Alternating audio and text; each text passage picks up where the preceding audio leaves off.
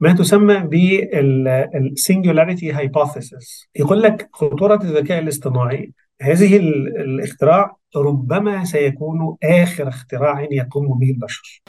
آه، إنه إحنا آه، آه، لا لا نرقم بياناتنا ولا نقوم بأبحاث تخدم لغتنا العربية ولا علومنا الشرعية في عصر الذكاء الاصطناعي. ثم نجلس على أريكتنا ونسب في تشات جي بي تي لأنها لا تحترم ثقافتها. يعني ما في مثلا متخصص أشعة على مدى خبرته بيكون شاف مليون صورة من الأشعة وتعلم ودرس هذه كذا وهذه كذا لكن الآلة تعلمت هذا. بزاف الناس اللي عندي في يوتيوب ما عارفينش باللي وليت كنحط محتوى أكثر في إنستغرام. ها هو الإنستغرام ديالي سكاني غير الكود غادي يطلع لك. مرحبا بين الجميع. آه اذا أستقبل اليوم الدكتور آه محمد غالي. الدكتور محمد غالي هو أستاذ الأخلاق الطبية في الإسلام آه بمركز دراسات التشريع الإسلامي والأخلاق.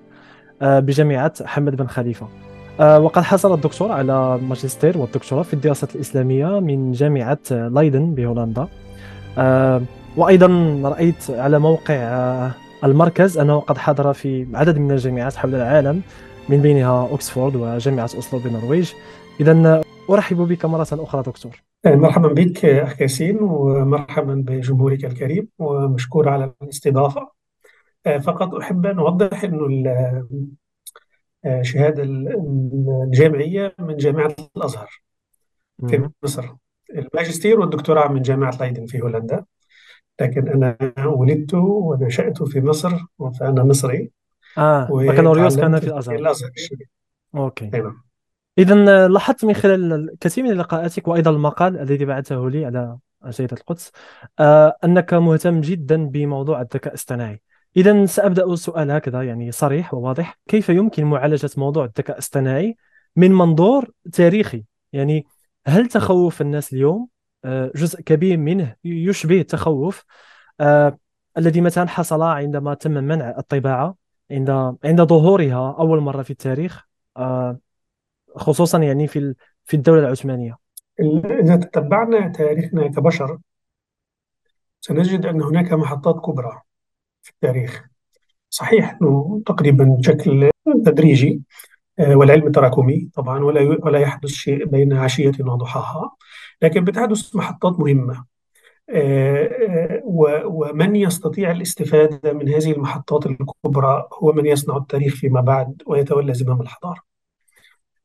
إذا تتبعنا تاريخنا البشري سنجد أن هناك محطات كبرى. إذا نظرنا إلى دور التكنولوجيا في صناعة هذه الحضارة. التكنولوجيا بمفهومها العام وليس بمفهومها الحديث التقني البحت حاليا.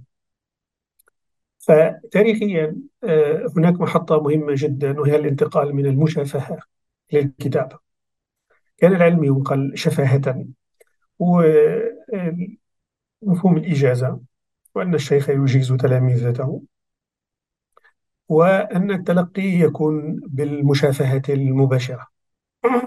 ثم حدثت نقلة مهمة في التاريخ. لما تراكم هذا العلم الشفهي إلى أن يكتب ويدون وأن تكون هناك كتب. صحيح قبل ذلك كانت هناك الكتب ومفهوم الكتابة موجود من قديم لكن أن يتحول النمط السائد من المشافهة إلى النمط السائد الكتابي وأن يكون الكتاب هو سيد الموقف. هذا حدث في بداية الحضارة الإسلامية في ربما القرن الثاني مثلا أو الثالث هذا التحول الكبير وصرنا نجد كتبا. كان هذا تحول كبير. آه، آه، ليس على المستوى التقني فقط. نحن سننتقل نحتاج إلى نساخون ووراقون سيكتبوا ولكن هناك حضارة بيتم تشكيلها وأن من سيقود زمام هذا الانتقال سيقود زمام الحضارة أو سيكون عنصر مهم في قيادته لزمام الحضارة. فده كان انتقال كبير. انتقال من عالم الكتابة المخطوطة إلى عالم الكتابة المطبوعة. أن الذي سيقوم بتسطير العلم ليس الإنسان لكن الآلة هذه المرة. وبالتالي يمكن للآلة أن تصنع نسخا كثيرة تفوق قدرة الإنسان آه، آه، في صناعته للنسخ السابقة. فتركنا المشافهة وتركنا الكتابة التي هي عن طريق البشر إلى الكتابة التي يتولاها تتولاها الآلة. هذا أيضا كان انتقال كبير جدا. الانتقال من الطباعة إلى الرقمنة. الكتب المطبوعة كانت موجودة في physical copies كما نقول نسخ يمكن لمسها وإحساسها وشم رائحتها لما تكون في مكتبة من المكتبات وهناك من يعشق رائحة الكتب هذه. فمع الوقت أرفف المكتبات ما عادت تتحمله. في مضاعفة في الإنتاج العلمي. وفكرة الطباعة وإنه كل مرة مثلا إني أقرأ كتاب المغني لابن قدامة فأتصفح ال 30 أو المجلد أو الأكثر أو الأقل على حسب الطبعة مسألة مرهقة للغاية. فحولنا كل كلمة إلى رقم. وهذا الرقم يمكن البحث فيه بنفس الصورة.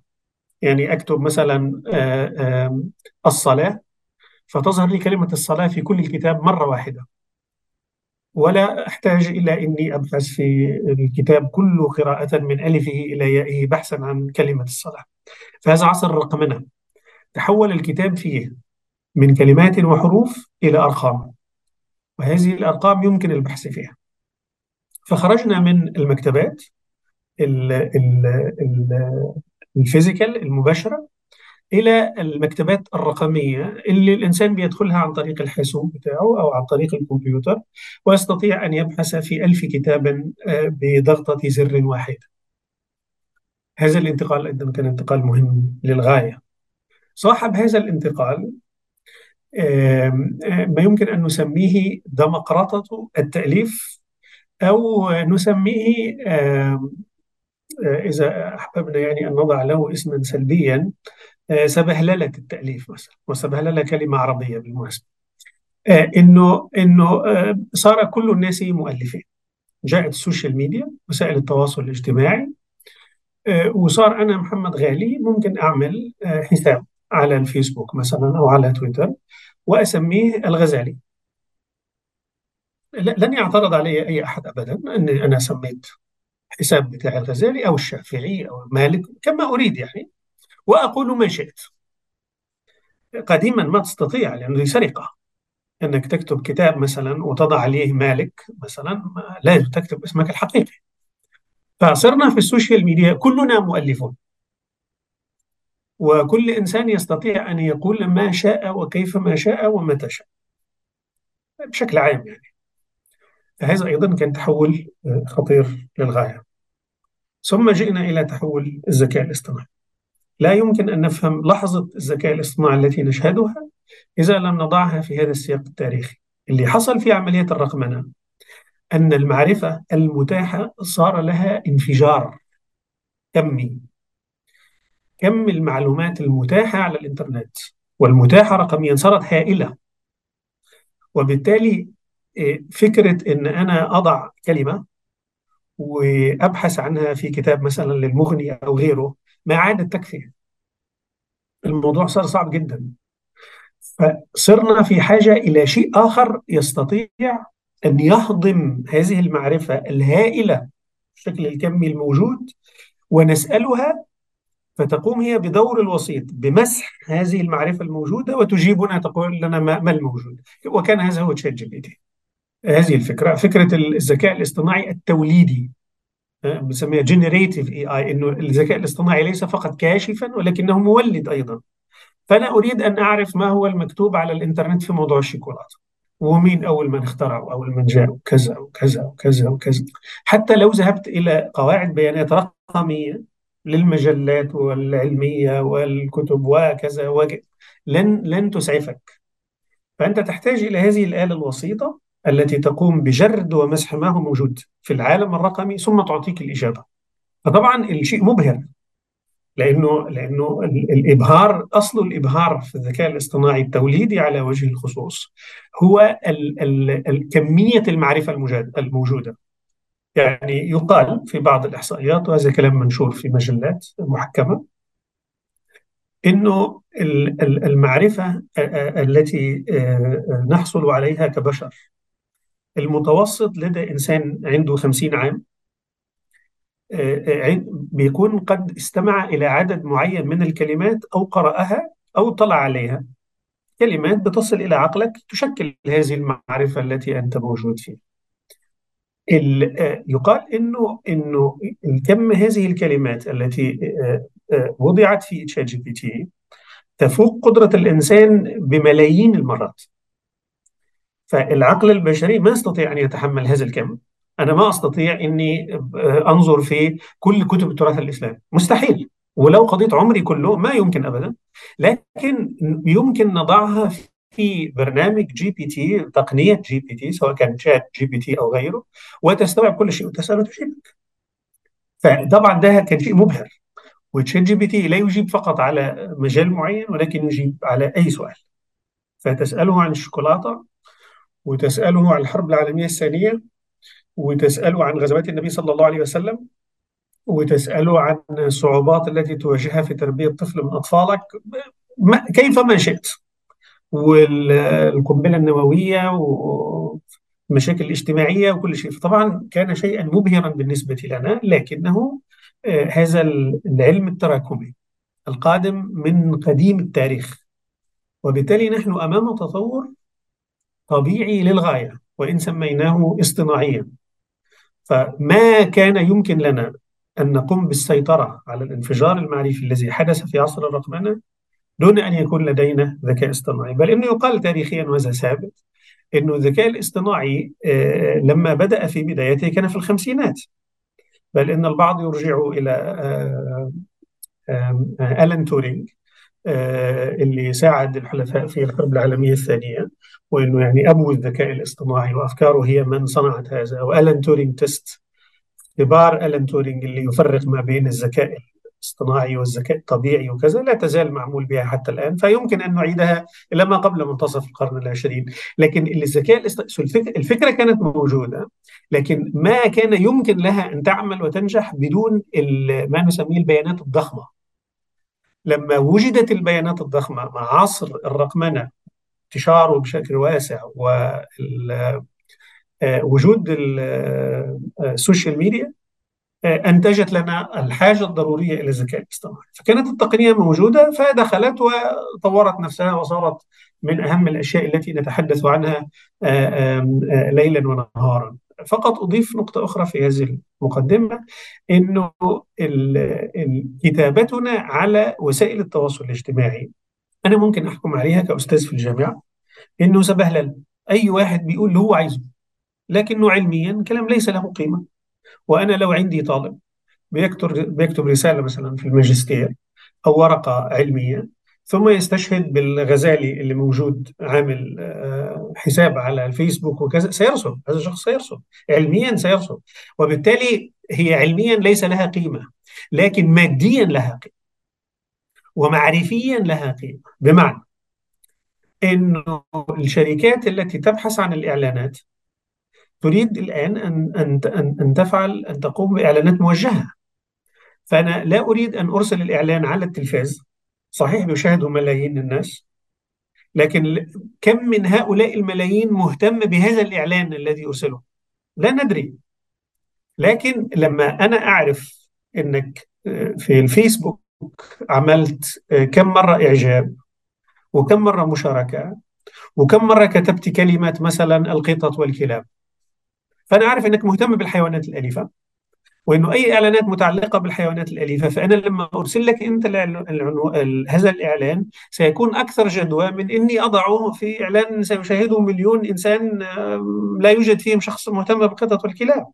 فصار المعلومات اللي موجودة على ال social media وإن كنا معرفيا أو علميا يمكن أن نحكم عليها بأنها ليست مهمة لكنها صارت مهمة بجوانب مختلفة. وعندنا حادثة كامبريدج أناليتيكا فضيحة كامبريدج أناليتيكا اللي تم فيها تسريب المعلومات من فيسبوك إلى شركة مسؤولة عن حملة دونالد ترامب ويقال ويعني عندنا أدلة معقولة إلى حد كبير صحيح ليس عندنا يقين انه استخدام هذه المعلومات رجحت فوز طرف على آخر في الانتخابات. وبالتالي صارت مهمة للغاية. فصار عندنا نوع معرفة جديد أيضا. ليس بالضرورة أن يكون المعرفة التي تنتجها كتب تم تحكيمها وعندك علماء ومفكرين وكذا. أي معلومة تكتب على السوشيال ميديا في النهاية هي مهمة. وبالتالي صار لنا حاجة كبيرة جدا لأدوات الذكاء الاصطناعي حتى نقوم بالسيطرة على هذا الانفجار المعرفي والمعلومات. طيب دكتور المسألة التي قلت أنها في الخمسينات هي نقطة جدا مهمة لأنه أيضا آه، ربما تصادف أنا تخصص علم النفس و آه، يعني درسنا أنه في هذه الحقبة درس يعني كان الدور الحقيقي للمدرسة المعرفية عندما اهتم الإنسان بالانتباه والذاكرة وأيضا كيفية أو محاكاة الحاسوب إلى آخره. آه بالنسبة لشات جي بي تي أيضا رائع. رأيت بعض التحديثات. أيضا الآن يقوم بال advanced statistic بشكل رائع. تعطيه أوراق بحثية يقوم. يعني إذا أردت الفرضيات تسأل عن الفرضيات التي توجد في هذه الورقة يعطيها لك إلى آخره. اذا حسب ما فهمت أن هناك إيجابيات هناك سلبيات وهذا ما ما سنطلع عليه في الأسئلة القادمة. لكن قبل ذلك رايت لك في لقاء سابق أنك ذكرت على أن الذكاء الاصطناعي أصبح منتشر في مختلف القطاعات كالصحة والأمن إلى آخره بما في ذلك الدين أو الممارسات الدينية آه، كيف ذلك؟ كما كما كان الحال سابقا يعني الكتابة لما ظهرت صارت في كل الميادين الطباعة لما ظهرت كانت في كل الميادين والرقمنة لما ظهرت كانت في كل الميادين وبالتالي منطقي جدا أن يكون النسخة الأخيرة من هذه التطورات الكبرى أيضا لها هذا القدر من الشمولية وأنها توجد في كافة المجالات لأنها بتخدم لحظة تاريخية في حياة البشر فالذكاء الاصطناعي تطبيقاته تقريبا في كل شيء. فكرة أن عندك بيانات ضخمة لا تستطيع السيطرة عليها تحتاج إلى آلة حتى آه، تقوم بتسخير هذه البيانات وهضمها بشكل جيد وتعطيك معلومات أو آه، أدوات معينة للسيطرة عليها. فهي توجد مثلا في القطاع الصحي حاليا. يعني مثلا من بداية تسجيل المريض يعني لما آه، يدخل المرضى للمستشفى. فممكن عن طريق البيانات اللي موجودة بنعرف إنه مثلا بيدخل المستشفى آه، ألف مريض في اليوم. ونشوف تسجيلات بياناتهم. فنعرف مثلا إنه في 50 مريض دخلوا ما بين الساعة التاسعة إلى العاشرة و100 مريض دخلوا من العاشرة إلى الحادية عشره و400 دخلوا من ساعة كذا إلى ساعة كذا. فمع بيانات ضخمة نقدر نعرف متى يتكدس المرضى. ومتى يكون الحاجة العدد المرضى قليل جدا. وبالتالي يمكن إن يبقى عندك باترنز أنماط. تعرف الأوقات اللي فيها تكدس والأوقات اللي ليس فيها تكدس. وبالتالي يمكن أن نضبط هذه المسألة بحيث لا يكون أبدا في أي مرة آه، آه، قوائم انتظار طويلة. فنقول والله اللحظات اللي بيتم التكدس فيها هذه. بنضع أربع موظفين مثلا في الاستقبال أو عشرة أو خلافه. واللحظات اللي بيكون فيها أقل بنضع أقل وهكذا. ولذلك تجد المستشفى بتدور بشكل جيد جدا لأنه آه، هذه الآلات الذكية آه، صنعت هذه الفكرة وقللت آه، يعني معاناة أو ألم أو انتظار لا معنى له للمرضى فبدل ما يكون عندك طول الوقت شخصين مثلا على الاستقبال لا بتوزع هذا الأمر فتخليهم مرة سبعة ومرة عشرة ومرة واحد فقط ومرة لا شخص وهكذا. ثم تدخل في بقية الأمور بقى. يعني مثلا لو دخلنا في مسألة التشخيص والأشعة الإكس رايز اللي بتعمل هذه من المجالات اللي متقدمة فيها جدا مجالات الذكاء الاصطناعي. فبنجيب مثلا ألف أو مئة ألف أو مليون أيا كان من صور الأشعة الموجودة لمثلا قل آه، الأشخاص اللي بيصابوا بالسرطان السرطان آه، ربنا يحفظ الجميع فبنقول له إنه تعلم إنه آه، هذه مليون صورة. النصف مليون هذا ليس فيه ورم سرطاني. والنصف مليون هذا فيه ورم سرطاني. فبيتعلم خلاص تعلم من المليون هذه وحفظ الأمور في ذهنه. ثم نعطيه صورة جديدة.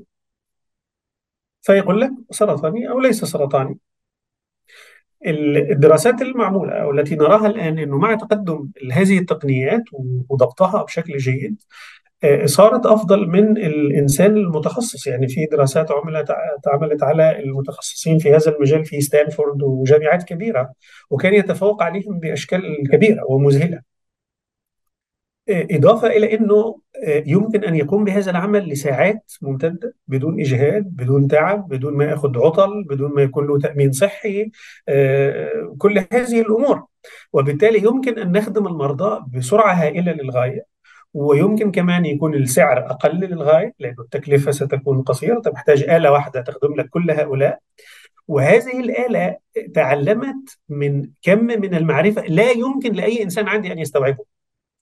يعني ما في مثلا متخصص أشعة على مدى خبرته بيكون شاف مليون صورة من الأشعة وتعلم ودرس هذه كذا وهذه كذا لكن الآلة تعلمت هذا. آه، إلى إلى آخره إلى آخره. يعني في تطبيقات مثلا على الأشخاص الذين يصابوا بنوبات من الصرع. فمعروف إن نوبات الصرع أكبر إشكال فيها إنها آه، لا يمكن التنبؤ بها يصعب جدا التنبؤ بها. ف... وتبقى أحيانا بتكون صعبة للغاية. ممكن يحدث مثلا هو في الطائرة أو هو في سيارة أو هو بيأكل أو في ضيوف في المكان. فمحرجة للغاية واحيانا خطرة على الحياة.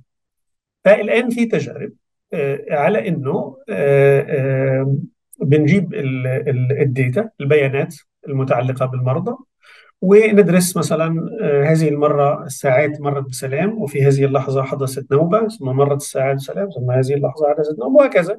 ونعطي البيانات للآلة الذكية. فالآلة الذكية تتنبأ وتقول لك إنه مثلا قبلها بيوم أو قبلها بعدد معين من الساعات تقول لك إنه في الساعة كذا هيكون في نوبة صرع فطبعا لما أنا أعرف إن هي نوبة صرع كمريض أو كطبيب أقدر إني أتدخل بسهولة.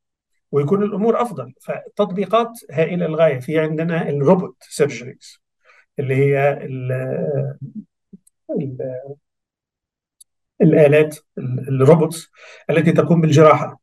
فأحيانا الجراحة تحتاج إلى دقة متناهية يعني ملي ملي متر وإذا حدث أي شيء يمكن أن يؤذي عضو آخر. فتحتاج إلى يد قليلة الوجود. يعني محتاج جراحين اللي هم مثلا أربعة أو خمسة في الكون اللي إيديهم بهذه الدقة الشديدة وبعد عمر معين آه، ما يستطيعوا أن يقوموا بها إلى آخره. فنجيب آلة تتدرب على هذا وتقوم بها ويكون الدكتور فقط موجود على شاشة الكمبيوتر بيحركها ويقول له مثلا هذا المكان ويعطي الأمر خلاص. والجراح هنا هو هذه الآلة.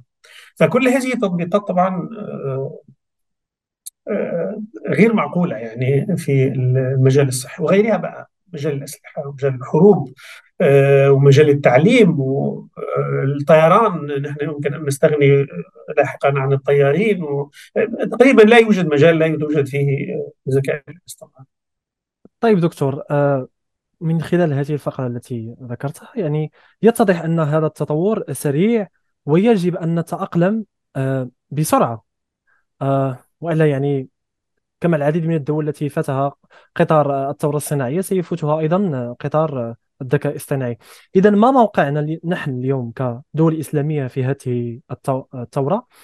وخصوصا أن الذكاء الاصطناعي يعني نشأ في سياق غربي مختلف عن سياقنا. أي نعم. طبعا كان نفسي أعطيك أخبار سعيدة. لكن للأسف لا طبعا وضعنا ليس يعني هو الوضع الامثل في هذه اللحظة التاريخية الراهنة. وما أظن أنه يعني نحتاج إلى أن إحنا نناقش ونجادل يعني هل وضعنا ممتاز أم لا. أظن كلنا متفقين آه، وإن اختلفنا حول الأسباب. فاللحظة التاريخية التي نعيشها الآن في مسألة انقلاب أو تحول الذكاء الاصطناعي ثورة الذكاء كيف نسميها؟ نحن لا زلنا نعاني من آه، التأقلم مع الرقمنة اللي هو ما قبله العصر اللي فات. لسه ما حلينا إشكالياتنا فيه. فأنا أنا راجل متخصص في العلوم الشرعية هذا تخصصي. أنا أقول لك أن أنني أعاني معاناة شديدة جدا بسبب عندي كم هائل من الكتب آه، ليس مرقما ولا أستطيع أني أبحث فيه وأنه كله لا يزال مطبوع أو مخطوط حتى. يعني أنا كنت أكتب مقال مؤخرا عن الأخلاق الأوبئة وعلاقتها بوباء كوفيد الذي كنا فيه فحبيت أقرأ في التاريخ. معظم رسائل الطاعون لا تزال مخطوطة. يعني ما دخلنا حتى عصر الكتاب المطبوع ولا عصر الرقمنة. يعني أنا برجع للأشياء المكتوبة باليد. لا تزال. في في عصر الذكاء الاصطناعي اولا لابد أن تكون قد دخلت وبقوة في مجال الرقمنة وما قبله أول شيء لأنه إذا لم تكن ممثلا في عالم البيانات يعني أنا لو رحت اسال الآن شات جي بي تي وقلت له سؤال في الطاعون والأوبئة هو سيجيب بناء على ماذا؟ بناء على البيانات المتاحة اللي هو عنده مصادر غربية ربما. اتصال بها وما عنده اتصال بالمخطوطات ولا الأشياء المطبوعة القديمة هو رقمي هو. كله مبني على إن إن يعني فرضية إن الناس كلها ترقمنت خلاص انتهى الموضوع. وهذا غير صحيح. فنحن غير ممثلين في عالم البيانات الضخمة على الأقل بشكل كافي. اللغة العربية لا تزال لا تقارن باللغة الإنجليزية على الإطلاق. حجم البيانات جودة البيانات شكل البيانات ترتيب البيانات يسموها كلاسترد نان كلاسترد التي تم ترتيبها والتي لم يتم ترتيبها. نحن بعيدون جدا في هذا. بل والأدهى والأمر من هذا إنه عندنا للأسف بعض الدول العربية التي تريد أن تدخل في هذا المجال فتجد إن هي أعلنت عن شيء شبه الشات جي بي تي مثلا. قال لك إحنا عملنا برنامج هذا فأقرأ في الصحف. أجد إن هذا البرنامج متاح بالإنجليزية والفرنسية والألمانية وما يوجد عربي. يعني ما ما ما يعني ما المكسب وما الهدف من صرف هذه الأموال والمليارات إنك تعمل نسخة من شيء موجود بالفعل ولا أظن أن النسخه اللي حضرتك عاملها ستكون أفضل مما هو موجود لكن دعنا حتى ولو وان كانت مثلها أو أفضل. أين تمثيل لغتنا؟ يعني إذا لم نقم نحن بلغة العربيه فمن يقوم بها؟ فطبعا الوضع بصراحة يعني ليس في أفضل الأحوال ونحن في حاجة إلى استدراك ما فاتنا. الأمر الجيد في الموضوع الجوانب المضيئة أكثر من جانب عشان نكون محقين.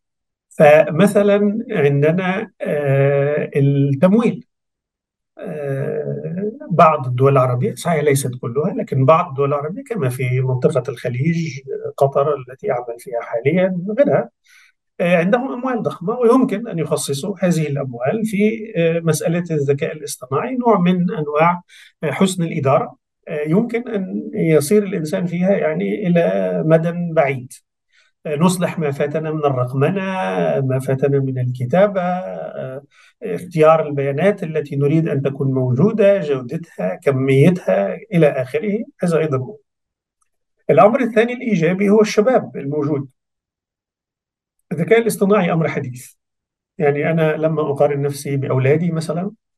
لا هم عندهم قدرة هائلة على التأقلم. لأنه هذا عصرهم وهذا جيلهم وبالتالي يشعروا بأنه ده مسألة طبيعية. أنا أنا لما أكون شغال على الكمبيوتر ثم يتغير وجهة البرنامج فيبقى عندي مثلا في القمة كلمة كذا ثم تغيرت في اليوم التالي الكلمة أنا بتوتر جدا وما أعرف كيف أتعامل مع هذا الأمر. الشباب لا ما شاء الله عليهم موجودهم مثلا على ال social media وسائل التواصل الاجتماعي إلى آخره فأظن إن هذا الجيل تعامله مع أدوات الذكاء الاصطناعي سيكون بلا شك أسهل وأيسر. أيضا نحن لا زلنا في بدايات عصر الذكاء الاصطناعي. فيمكن استدراك ما فات بسرعة. كما ذكرت حضرتك في مسألة الطباعة تأخرنا يمكن قرن من الزمان أو أكثر. فيعني المسألة لا تحتمل الآن. نحن نقعد نفكر هل ندخل أو لا ندخل آه نخصص أموال لا نخصص أموال. كي وبعد 100 سنة مثلا نكون دخلنا في عصر آخر الله أعلم كيف سيكون ثم نكون خلف تاريخ البشر ببعيد. فنحن لا زلنا في البدايات وهذه أيضا مسألة جيدة. المسألة الإيجابية الأخرى أنه الكثير من أدوات الذكاء الاصطناعي اللي منها مثلا شات جي بي تي وغيرها. تقوم على البيانات. البيانات الضخمه لابد من تغذيتها. يقول لك إنه هي مثل مثل البنزين أو الوقود في السيارة. إذا ما وضعت هذا الوقود لا يمكن للسيارة ولا الموتور أن يعمل فلا بد لها من بيانات. العالم العربي يمكن أن يعطي كم هائل من البيانات لأنه إحنا البيانات العالم الغربي تم استيعابها خلاص. وهم في حاجة إلى المزيد. يعني في جوع إلى هذه البيانات. فنحن من بياناته لا تزال يعني تحت الرماد. وبالتالي إحنا ممكن يكون عندنا كنز من هذه البيانات اللي يمكن أن نخرجها للناس. فهم يحتاجوها ونحن نحتاجها بحيث إن إحنا نكون ممثلين. فلما أسأل ChatGPT لما يكون في تقنيات تطبيقات إلى آخره يكون بيانات القادمة من والمتجذرة في العالم الإسلامي أيضا تكون آه، موجودة. وبالتالي يعني الوضع ليس هو في أفضل الأحوال لكنه ليس في أسوأها يقينا وانه في جوانب إيجابية يمكن أن نستفيد منها وأن نبني عليها. وأنا أرى إنه الحلول لأنه هذه مسألة نستسهلها خاصة كشعوب وأنا لا أتحدث مع وزير مثلا أو كذا. إذا كنت أتحدث مع مسؤول حكومي أكيد كنت هأكد على مسألة مسؤولية الحكومات في التمويل والإدارة وغيره. لكن أنا الآن أتحدث مع شخص مسؤول عن بودكاست عن قناة عن شيء في السوشيال ميديا. فأتحدث عن مسؤولية الأفراد. آه، آه، نحن علينا أيضا مسؤولية كبيرة في هذا. فأنا أنا مثلا أعمل في مركز أبحاث. فأنا أقول والله آه، في نفسي أنا أنه آه، لابد أن يكون القضايا المتعلقة بالذكاء الاصطناعي تضع في أو توضع في أولوياتنا وأبحاثنا بحيث أنه نكون جاهزين. آه، أنا أستاذ مثلا في كلية العلوم في كلية الهندسة في كذا. أنت حضرتك مسؤول عن قناة من القنوات فتعطي مجال وتفسح طريق لمن يتحدث في هذا ويثقف الشباب وإلى آخره. المسألة ليس فقط حكومات. وإنما تضافر جهود من الجميع. وبالتالي ما يمكن أن إحنا يعني لا أريد أن إحنا نأخذ هذا المنحى آه، أنه إحنا آه، آه، لا, لا نرقم بياناتنا ولا نقوم بأبحاث تخدم لغتنا العربية في عصر الذكاء الاصطناعي ولا علومنا الشرعية في عصر الذكاء الاصطناعي. ثم نجلس على أريكتنا ونسب في ChatGPT لأنها لا تحترم ثقافتنا. يعني أنا الحقيقة هذه المسائل تغضبني بشكل كبير جدا يعني هل أنت منتظر إنه ChatGPT تحافظ على هويتك الثقافية؟ هل ده موجود يعني في آه، في في في تشارتر تأسيس ChatGPT؟ وثيقة تأسيسها؟ لا، كل إنسان لابد أن يناضل من أجل نفسه. وإنه أنت إذا لم تصنع لنفسك شيئا فلا تلوم الآخرين على أنهم لم يصنعوا لك. فأرجو أن نتخلص من هذه السلبية. وكل إنسان في موضعه آه، له مسؤولية. آه، المدرس اللي بيدرس الطلاب في الابتدائي والإعدادي والثانوي الأستاذ اللي في الجامعة الشخص المسؤول عن آه، أدوات إعلام وغيرها كل شخص عنده مسؤولية. ومع تضافر الجهود والقيام بهذه المسؤوليات يمكن للوضع أن يتغير. طب تحدث عن شيء مهم في مسألة التخصصات. ربما أيضا ما قصدت أنه حتى يعني التوجيه في التخصصات يجب يعني أن تتغير قليلا هذه العقلية أنه أي طالب يعني بارز آه، يجب أن يتوجه فقط إلى الطب أو الهندسة.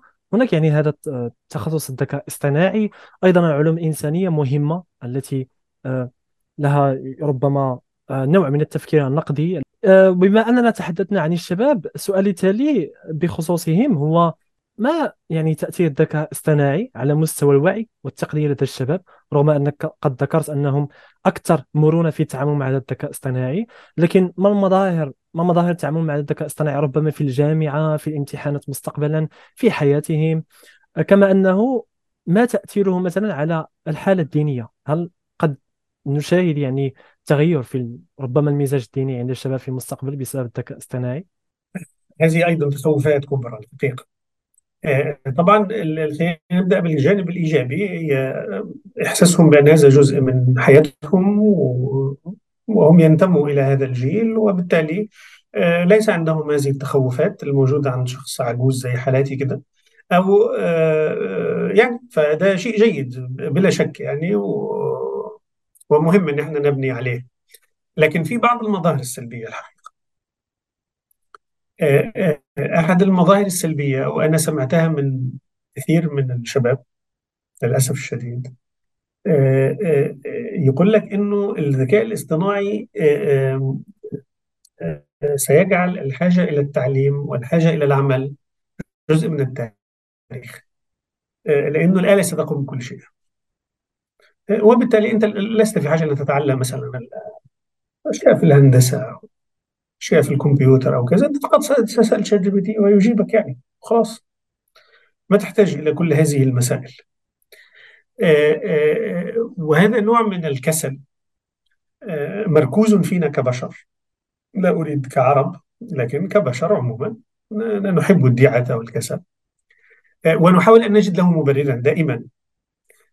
فلا أريد أن نجعل الذكاء الاصطناعي أحد مبرراتنا الحديثة للكسل. الكسل يسمى كسل وهو مرفوض وغير مقبول أخلاقيا وما نحب يعني ندور ونلف حوالين هذه القضايا. فأنا أريد ألا, ألا يكون الذكاء الاصطناعي سببا في هذا الكسل ولا مبررا له لأنه مبرر واهي وضعيف بل ينبغي أن يكون العكس تماما. أنه هذه العقلية البشرية في هذا العصر التي صنعت الذكاء الاصطناعي الأولى بها أن تتطور وأن تجتهد حتى تصل إلى أبعاد أعلى. آه، لا أن تكون مدعاة للكسل. الأمر الثاني المتعلق بالدين. آه، أنا لاحظت وعندي بعض البدايات بحث أفعله في هذا الذكاء الاصطناعي والإفتاء. آه، واضح جدا من مما تراه وترصده على مستوى المعرفة المباشرة وعلى مستوى وسائل التواصل الاجتماعي أن الشباب يلجؤون لمثلا ChatGPT وغيره للسؤال عن فتاوى. آه، وده أمر لا يمكن أن نمنعه. يعني ما يمكن أن نقول الناس حرام أن تسألوا ChatGPT في الإفتاء إنه سيحدث. يعني الناس ستسأل حب استطلاع. آه، والأدوات الذكاء الاصطناعي التوليدي مثل ChatGPT آه، أنا أقولها للشباب لا تصلح على الإطلاق في مسألة الإفتاء. على الإطلاق. ليس فقط لأسباب شرعية وأنك لابد أن تسأل مفتي والمفتي يعلم بالواقعة وحال المستفتي وكل هذه الأمور. لكن حتى على المستوى المعرفي البحت التقنيات الذكاء الاصطناعي التوليدي واحد من أكبر إشكالياتها نسميه هالوسينيشن الهلوسة. فأنا عندي مثلا شخص اسمه محمد غالي وعندي كتاب أو مقال. فهو يعرف بالكتاب أو المقال ويعرف محمد غالي لكن لا يربط الاثنين معا. فيقول لك إن مؤلف كتاب اللي كتبه محمد غالي ده كتبه عبد السلام هارون مثلا أو خلافه. فعنده هذه الهلوسة بسبب ربما كثرة المعرفة البيانات الضخمة هذه تحتاج إلى وقت لاستيعابها فبنضغطها ضغطا شديدا فيحصل مسألة الهلوسة. عموما الهلوسة موجودة ايا كان سببها. فأنا ممكن أسأل ChatGPT فيجيبني فيقول قال رسول الله صلى الله عليه وسلم وما بعده لا يكون حديثا إطلاقا. لا لأنه ضد الإسلام أو يكره الإسلام أو ما في هذا الكلام. هو عنده هلوسة أحد إشكالاته. فمن ضمن الهلوسة أن ينسب الكلام لغير قائلة. ولو تتبعنا اللي في وسائل التواصل الاجتماعي مسائل هائلة. ويمكن أن تسألوا عن أشياء آه، بعض الشباب سألوه عن من من الذي قتل في لغم في غزوة أحد وكذا فيقول لك اسم صحابي يقول لك فلان والصحابي ده غير موجود على الإطلاق وإلى آخره يعني. ف ChatGPT مبهر وجيد جدا في أشياء زي مثلا التحرير اللغوي وخلافه. آه، ولما تسأله عن معلومات فيعطيك المعلومات لكن بيانات خاصة بأشخاص ومؤلفين وهكذا دي مسألة هو سيء فيها جدا. فهذا ما ينبغي أن أن أن أن أن, أن, أن يقع وأن يزل الشباب في هذا. إحنا عندنا مشروع في المركز اللي أنا أعمل فيه مركز دراسات التشريع الإسلامي والأخلاق حتى نضبط هذه المسألة. قدمنا لمشروع بحثي في صندوق قطر للبحث العلمي والحمد لله حصلنا على التمويل. آه تم تحكيم المشروع بشكل إيجابي لضبط هذه المسألة. وهو كيف يمكن أن تستخدم تقنية ال GPT اللي منها ChatGPT آه في حقل الدراسات الإسلامية. أكبر إشكال في ChatGPT أنه آه لا يضع آه وزنا مختلفا للنصوص المختلفة. فإذا وجد على الإنترنت كلاما للإمام الشافعي ثم وجد على الإنترنت آه، حساب لواحد زي حالاتي مثلا أو أي شخص عادي والاثنين بيتكلموا في نفس الكلام. فهيحسب كأنه شيء واحد. يعني اثنين بيتكلموا في موضوع مثلا الصلاة طلاق صيام عادي يعني. وبياخد يقوم بعملية المسح ويقول لك ويجاوب. لكن ينبغي أن يكون في البحث العلمي أن نعلم هذه الآلة بأن النصوص ليست لها وزن واحد. فهناك صاحب المذهب مؤسس المذهب وهناك الكتب المعتمدة في المذهب وهناك كتب التخريج وهناك كتب الخلاف النازل والخلاف العالي وإلى آخره مسائل لابد من ضبطها اولا ثم تعطيها لهذه التقنية وتقول له لما يأتيك سؤال متعلق بنص من هذا فتعرف إن هذا النص هو وزنه هذا النص هو وزنه. نتمنى إن شاء الله إنه هذا الأمر ينجح يعني ويحل جزء من هذا الإشكال. وكما ذكرت هذا هو واجبنا جميعا إنه كل واحد يشوف إشكال في منطقة فيحاول أن يصلحها. فبس النقطة فيما يتعلق بالشباب هي هذه إنه إنه ليس كل شيء مبهر في وسائل الذكاء الاصطناعي معناها أنها يمكن أن تحل لك كل شيء. طيب دكتور أه وربما أيضا في مسألة الفتوى حتى السياق يعني لا يفهم ChatGPT. في أي مكان أنت وفي أي زمن تعيش ما ظروفك؟ حتى يعني يصيغ فتوى خاصة بك. مسألة أخرى أه دكتور وأنت يعني مهتم بمسألة أه الأخلاق ما هي إمكانية تأطير العمل بالذكاء الاصطناعي بشكل أخلاقي في مجتمعاتنا؟ بمعنى مثلا سأضرب لك مثال ال face recognition آه، في المطارات والإدارات إلى آخره هل تعتبرها مثلا انتهاك للخصوصية وربما قد شاهدت آه، قبل سنة أو أكثر وثائقي يتحدث عن مثلا النظام آه، قد يستعمل وربما يستعمل الآن في بعض الدول الذي هو يعني النقط هناك كاميرات في الشارع مثلا إذا ارتكبت مخالفة لديك رصيد سينقص لك هذا الرصيد وعندما تريد مثلا دينا من البنك يقول لك آه فقد قمت بمخالفة اليوم فلاني فلاني إذا ليس لديك حق في هذا الدين إذا ما رأيك في هذه المسألة؟ هذا سؤال مهم للغاية ومعقد ومتشعب لكن دعني يعني أحاول أني أضعه في سياق مبادئ معينة. آه، أول شيء البيانات. الذكاء الاصطناعي كله قائم على بيانات. فمثلا لو بنك آه، بتقدم على قرض فبنستخدم أدوات الذكاء الاصطناعي حتى تعطينا نصيحة نعطي لهذا الشخص أو لا نعطي لهذا الشخص. الآلة كيف تعطي هذه النصيحة أو القرار؟ بناء على الديتا البيانات اللي أنا أعطيتها ليها. فأنا إيه اللي بعمله؟ بقول في تاريخ البنك مثلا ال 20 سنه الأخيرة هؤلاء تقدموا بقرض وقبلوا وهؤلاء تقدموا بقرض ورفض. بناء عليها بيدرسها كذا آه، مثلا أمازون تستخدم أدوات الذكاء الاصطناعي في فرز السير الذاتية. لأنه بيأتيها مثلا عندها وظيفة يأتيها مثلا 10000 شخص. طيب مين إن شاء الله اللي هيفرز 10000 آه، سيرة ذاتية حتى يعمل مثلا شورت ليست أو قائمة مختصرة؟ فبنقعد برضه مرة ثانية بنعطي للذكاء الاصطناعي الآلة نقول لها مثلا هذه 100000 سيرة ذاتية هذا ما كان قبل منها وهذا ما لم يقبل. خلاص.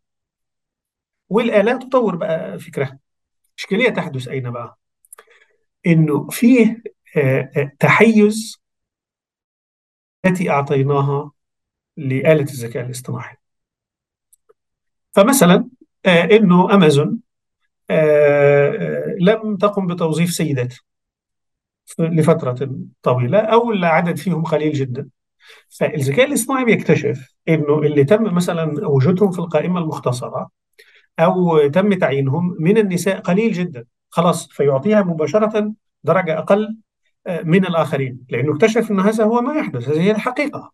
أو إنه آه، آه، شخص مثلا تخرج من جامعة كذا وهذا تخرج من جامعة كذا تخرج من الجامعة أفضل وهكذا. في مسألة القروض في البنوك هذا البنك موجود مثلا في منطقة غنية يسكنها بيض. في حي راقي في نيويورك. السود عندما سيقدمون لن يحصلوا على شيء لأنه ممكن عنوان سكنه يكون سبب في التحيز فيخرج. لأنه الذكاء الاصطناعي تعلم أنه هذا العنوان ليس من يأتي إلى هذا المكان وليس هو من يأخذ القرض إلى آخره إلى آخره إلى آخره. فلما نطبق أدوات الذكاء الاصطناعي أدوات الذكاء الاصطناعي ليست حيادية آه، بالمعنى الذي نتصوره. إن هذه آلة ولا يمكن أن تمثل عنصرية لأن الآلة تعكس تحيزاتنا الكامنة التي كنا دوما ننفيها. فأمازون ممكن تقول والله أنا ما عندي أي تحيز ضد النساء على الإطلاق. فلما يجي الذكاء الاصطناعي ولا يختار ابدا امرأة لازم تقرر وتعترف إنه كلامك مش صحيح.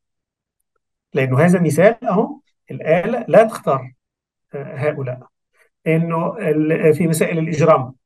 نعطيها البيانات فنجد مثلا انه كل اللي اللي يذهبوا في الاشتباك مع البوليس آه، كلهم من آه، ممكن نقول مثلا المغاربة والجزائريين في ضواحي باريس.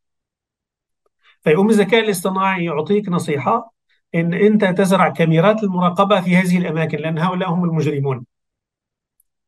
لكن ما تعطيك تقول لك إنه لماذا هؤلاء يذهبون إلى الشرطة؟ ربما بسبب الإجرام ولكن بسبب عنصرية الشرطة مثلا. أو بسبب إن هؤلاء لا يحصلوا على حقوقهم وإن هم مهمشين وليس لهم وظائف وإن عندهم بطالة عالية ومرتفعة وكذا. فالذكاء الاصطناعي سيسرع وسيره أخطاء كنا نقع فيها بالفعل.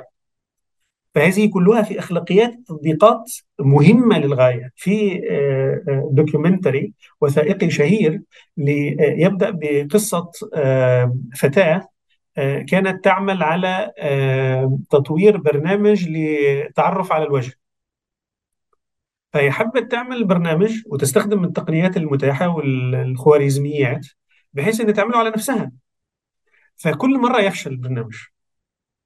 ولا يتعرف على وجهها بأنها إنسان. فهي مش فاهمة إيه السبب. يعني الأمور منضبطة. ثم اتضح لها أن السبب أنها سمراء. وإنه الخوارزميات والأشياء اللي موجودة هذه مبنوءة على مبنية على ملامحي وبيانات أناس بيض. فكونك غير ممثل في هذه البيانات تسبب لك إشكال. ونحن كعرب غير ممثلين.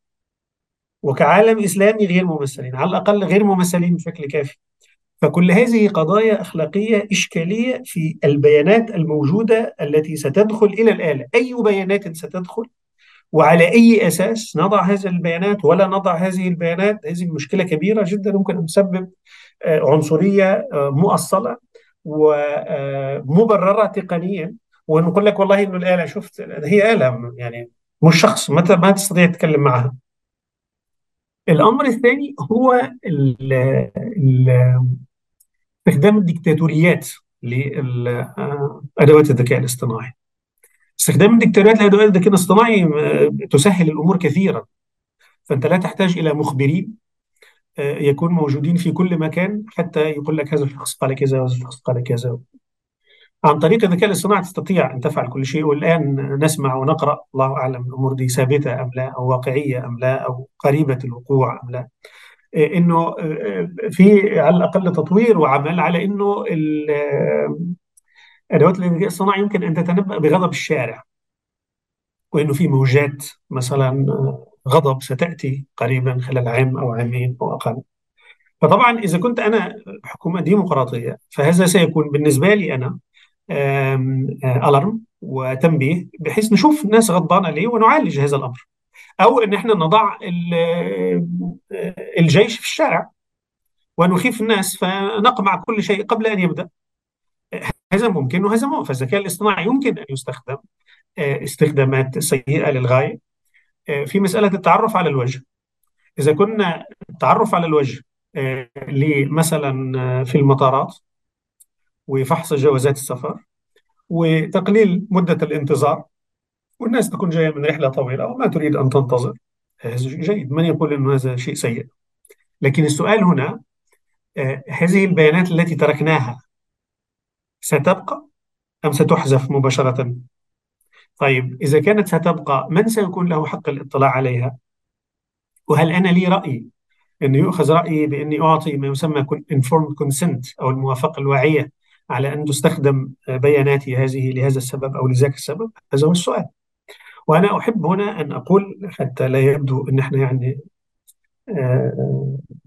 انتي استابلشمنت ضد المؤسسات وضد الحكومة وكذا. أنا أقول إن الخطر الأكبر القادم لن يكون من الحكومات وإنما سيكون من الإمبراطوريات التكنولوجية. عندنا الآن جوجل ومايكروسوفت وآبل تويتر وإكس حاليا. هذه إمبراطوريات إحنا كنا قبل عصر الدول الحديثة ال modern nation state الدولة القومية الحديثة كنا في إمبراطوريات. كان في الإمبراطورية اليونانية والرومانية والفارسية ثم جاء الإسلام. ثم تقسمت الأمور إلى دول. نحن الآن نعود إلى زمن ما قبل الدول وإن عندنا إمبراطوريات أقوى من الدول. فأنا أقول بكل اطمئنان أن جوجل أقوى من دول كثيرة. وآبل اقوى ويستطيعوا أن يعاقبوا دول. وقد رأينا انه رئيس أمريكا آه، وهو في نهاية فترة حكمه بيتم إغلاق حسابه إنه لا يتكلم وهذه أمريكا. فما بالك بالآخرين؟ يعني هذه لها إمكانيات هائلة. الكلام دايما بيصب على الصين وروسيا وإنه عندنا حكومات ديكتاتورية. آه، تقوم بمعاقبة مواطنيها لأن عندها البيانات وكذا. آه ماشي. طب ما الفيسبوك عندها البيانات وأبل عندها البيانات. آه، آه، أنا أنا لم اختر رئيس أبل ولم اختر رئيس تويتر. مين قال إنه يكون عنده معلوماتي وبياناتي؟ بيقول لك والله أنا بقدم لك خدمة إن عندك حساب عندي في الفيسبوك أو تويتر وبالتالي أستخدم معلوماتك كيفما شئت. هذا محل إشكال كبير للغاية. وهذه المعلومات لها ثمن كما ذكرت. وتباع. انت حضرتك لو بتعمل في مركز بحوث أو في مركز اعلامي أو في جامعة ف... وتروح مثلا الفيسبوك أو تويتر أو غيره وتقول له إن أنا عايز أعمل إعلان موجه. فأنا هعمل مؤتمر عن الذكاء الاصطناعي في الإسلام. وعايز الناس تحضر. أنت ممكن تشتري إعلانات موجهة بإنك تعطي كي كلمات مفتاحية. تقول له عايز خمسين ألف شخص يشاهد هذا الإعلان الخمسين ألف دول بحثوا عن كلمة إسلام وعن ذكاء اصطناعي خلال الشهر الماضي وأعمارهم ما بين 20 و 35 وأماكن سكنهم آه، في قطر والسعودية وكذا والمغرب و... وسيعطيك. ماشي. وأنا جربت هذا قبل ذلك. الجامعة مثلا بنعمل مؤتمر فنعطيهم البيانات فانا أنا ينطبق علي الفئة المستهدفة فأرى الإعلان يأتيني. يأتيني الإعلان. فالكلام منضبط صحيح. فاللي باقي فقط إن هم يقولوا لك اسمه فلان. فده طبعا بيتم حذفه ليه؟ لأنه دي خصوصيات الناس. إنما خلاص أنا أنا عرفت أنت مين وسنك ومكانك واهتماماتك وكذا وأرسلت لك ما أريد. فهذه الشركات الضخمة آه، آه، في حاجة إلى يعني آه، مسألة ضبط وخطورتها أنا أراها أكبر بكثير من الدول. نعم وكما وقع يعني حتى كما ذكرت سابقا في فضيحه الانتخابات الأمريكية عندما تم استعمال معطيات شخصية للناس. أيضا في مسألة الموافقة على هذه المعلومات الشخصية لي ذكرت شيء مهم أنها تكون موافقة واعية لأنه حتى هناك مسلسل اسمه بلاك ميرور قد تحدث كثيرا عن هذه المسائل وفي حلقة يعني أظهر أن آه، آه، امرأة قد وافقت على هذه الشروط لأن كما تعلم الآن يعطوك يعني نص كبير وأنت فقط يعني تعمل اجري اجري اجري كونفيرم فقط. هي قد قامت في هذا وقد تحولت حياتها إلى جحيم لأنهم استعملوا كل معطياتها في فيلم. وعندما ذهبت يعني لتتابعهم قضائيا أروها أنها وافقت على هذه المسألة. أم طيب سؤالي الأخير الذي سأختم به اللقاء هو يعني سؤال رأيك الشخصي أه، في مسألة الوعي. يعني في اعتقادك الشخصي هل يمكن في يوم ما أن يصل الذكاء الاصطناعي إلى مرحلة أو آه، آه، مرتبة الوعي التي يحظى بها الإنسان آه، وعي من مستوى عالي بكل ما يحتوي يعني من قدرات معرفية تخطيط تفكير نقدي وأيضا تلك التجربة المشاعرية الفريدة من نوعها التي يمتلكها الإنسان. بشكل مباشر يعني وسطحي إلى حد بعيد الإجابة لا يعني في تصوري. لا ليه أسباب؟ يعني ليه أسباب؟ صحيح إنه آه، عندنا آه، لما نتحدث عن مخاطر الذكاء الاصطناعي أحد هذه المخاطر وهذه أفردت لها كتب مستقلة ما تسمى بال singularity hypothesis أو فرضية الفردانية كما نقول. يقول لك خطورة الذكاء الاصطناعي آه، خلافا لكل ما سبق بقى لكل المخترعات اللي إحنا عملناها سابقا من طيران وغواصات ودبابات كل شيء. هذه الاختراع ربما سيكون آخر اختراع يقوم به البشر لأن هذا هو الاختراع الذي سيفنيهم. بمعنى إنه أنت بتعمل ذكاء اصطناعي اللي موجود حاليا بنسميه domain specific intelligence يعني ذكاء اصطناعي في مجال محدود وليس ذكاء اصطناعي عام. فمثلا الجهاز الذي هزم جاري كاسباروف آه، بطل العالم في الشطرنج. هذا الجهاز ما يستطيع لو قلت له مثلا إنه ينقل آه، فنجان القهوة من هنا إلى هنا لا يستطيع. ليه؟ لأنه هو مبرمج فقط في الشطرنج. هذه اللعبة وخلاص. فكلها domain specific فلو هذه ال ال ال الأدوات اللي كلها محدودة في مجال معين ارتبطت مع بعضها وصار عندنا ما يسمى super general artificial intelligence الذكاء الاصطناعي العام الخارق إنه اجتمعت كل هذه الآلات مع بعضها وصار عندنا ذكاء اصطناعي عام يستطيع أن يسيطر على الكون ويسيطر علينا نحن. فيقول لك إحنا سننتقل إلى عالم post humanism عالم ما بعد الإنسان وزي سموه monkey world ولا monkey ape world اللي هو الفيلم اللي عمل منه سلسلة هذا. إن إحنا القرود تسيطر ونبقى إحنا المسيطر علينا و... وهي اللي تحكمنا وكذا. فستحكمنا الآلة وسنكون نحن في عالم ما بعد الآلة. أنا أظن أن هذا بعيد للغاية. وعندي أسبابي في هذا. أو اولا التقنية بعيدة عن هذا لا تزال. لكن صحيح إنه في تسارع شديد. يعني في كلام على إنه الادوات اللي هي الجي بي تي زي تشات جي بي تي سيكون لها من تعقيدات ال neurons. خلايا العصبية مثل تعقيدات الخلايا العصبية لمخ الإنسان. في خلال أظن خمس سنوات أو أقل. هذا ثابت يعني بيتم تداوله عند المتخصصين. فطبعا إذا ده خلال خمس سنوات طب إيه اللي هيحصل خلال 50 سنة؟ آه، فيعني الشيء فعلا مرعب بصراحة. لكن أظن أن هذا بعيد تقنيا. لكن كمان الأقوى بالنسبة لي إن من صنعنا هو الله سبحانه وتعالى.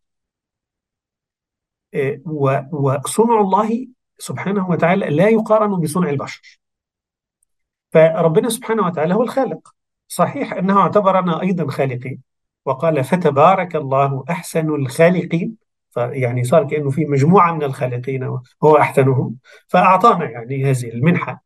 أننا يمكن أن نخلق وأن نصنع وأن نوجد أشياء على غير منوال سبق والى آخره كما نصنع الآن في الذكاء الاصطناعي. لكن لا يمكن ابدا أن يكون للإنسان قدرة على صنع إنسان. هذا تصوري.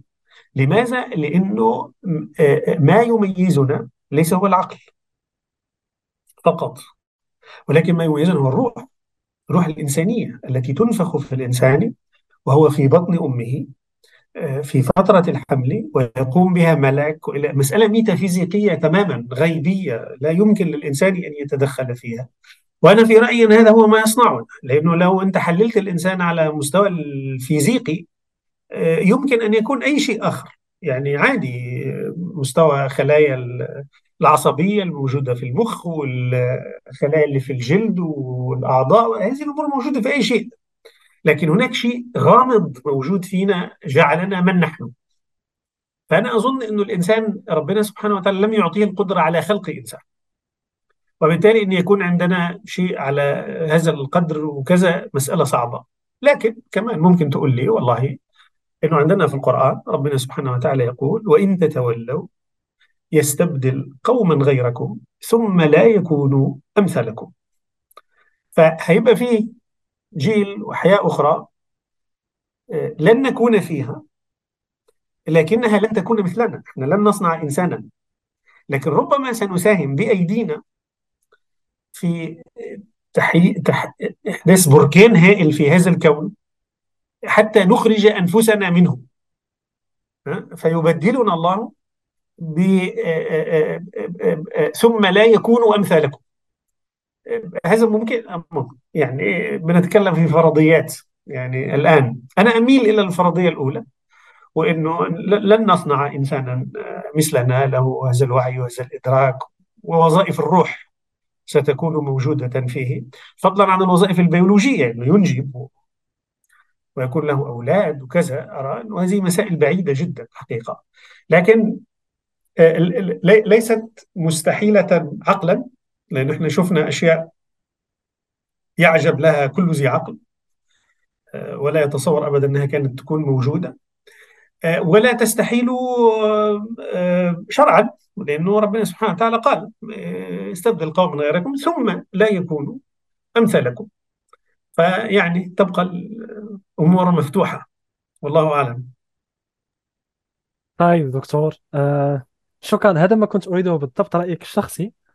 آه وبالإشارة قد رأيت أيضا نفس الرأي تقريبا لأحد المتخصصين في الغرب اسمه فيدريكو فاجين أحد أول مخترعين لل processor الصغير آه قد أصله قد درس في إيطاليا. لديه نفس الرأي آه وقد قال يعني أن قد يكون للذكاء الاصطناعي يعني ذكاء فائق يعني هو فائق الذكاء لكنه يعني لن يكون فائق الوعي.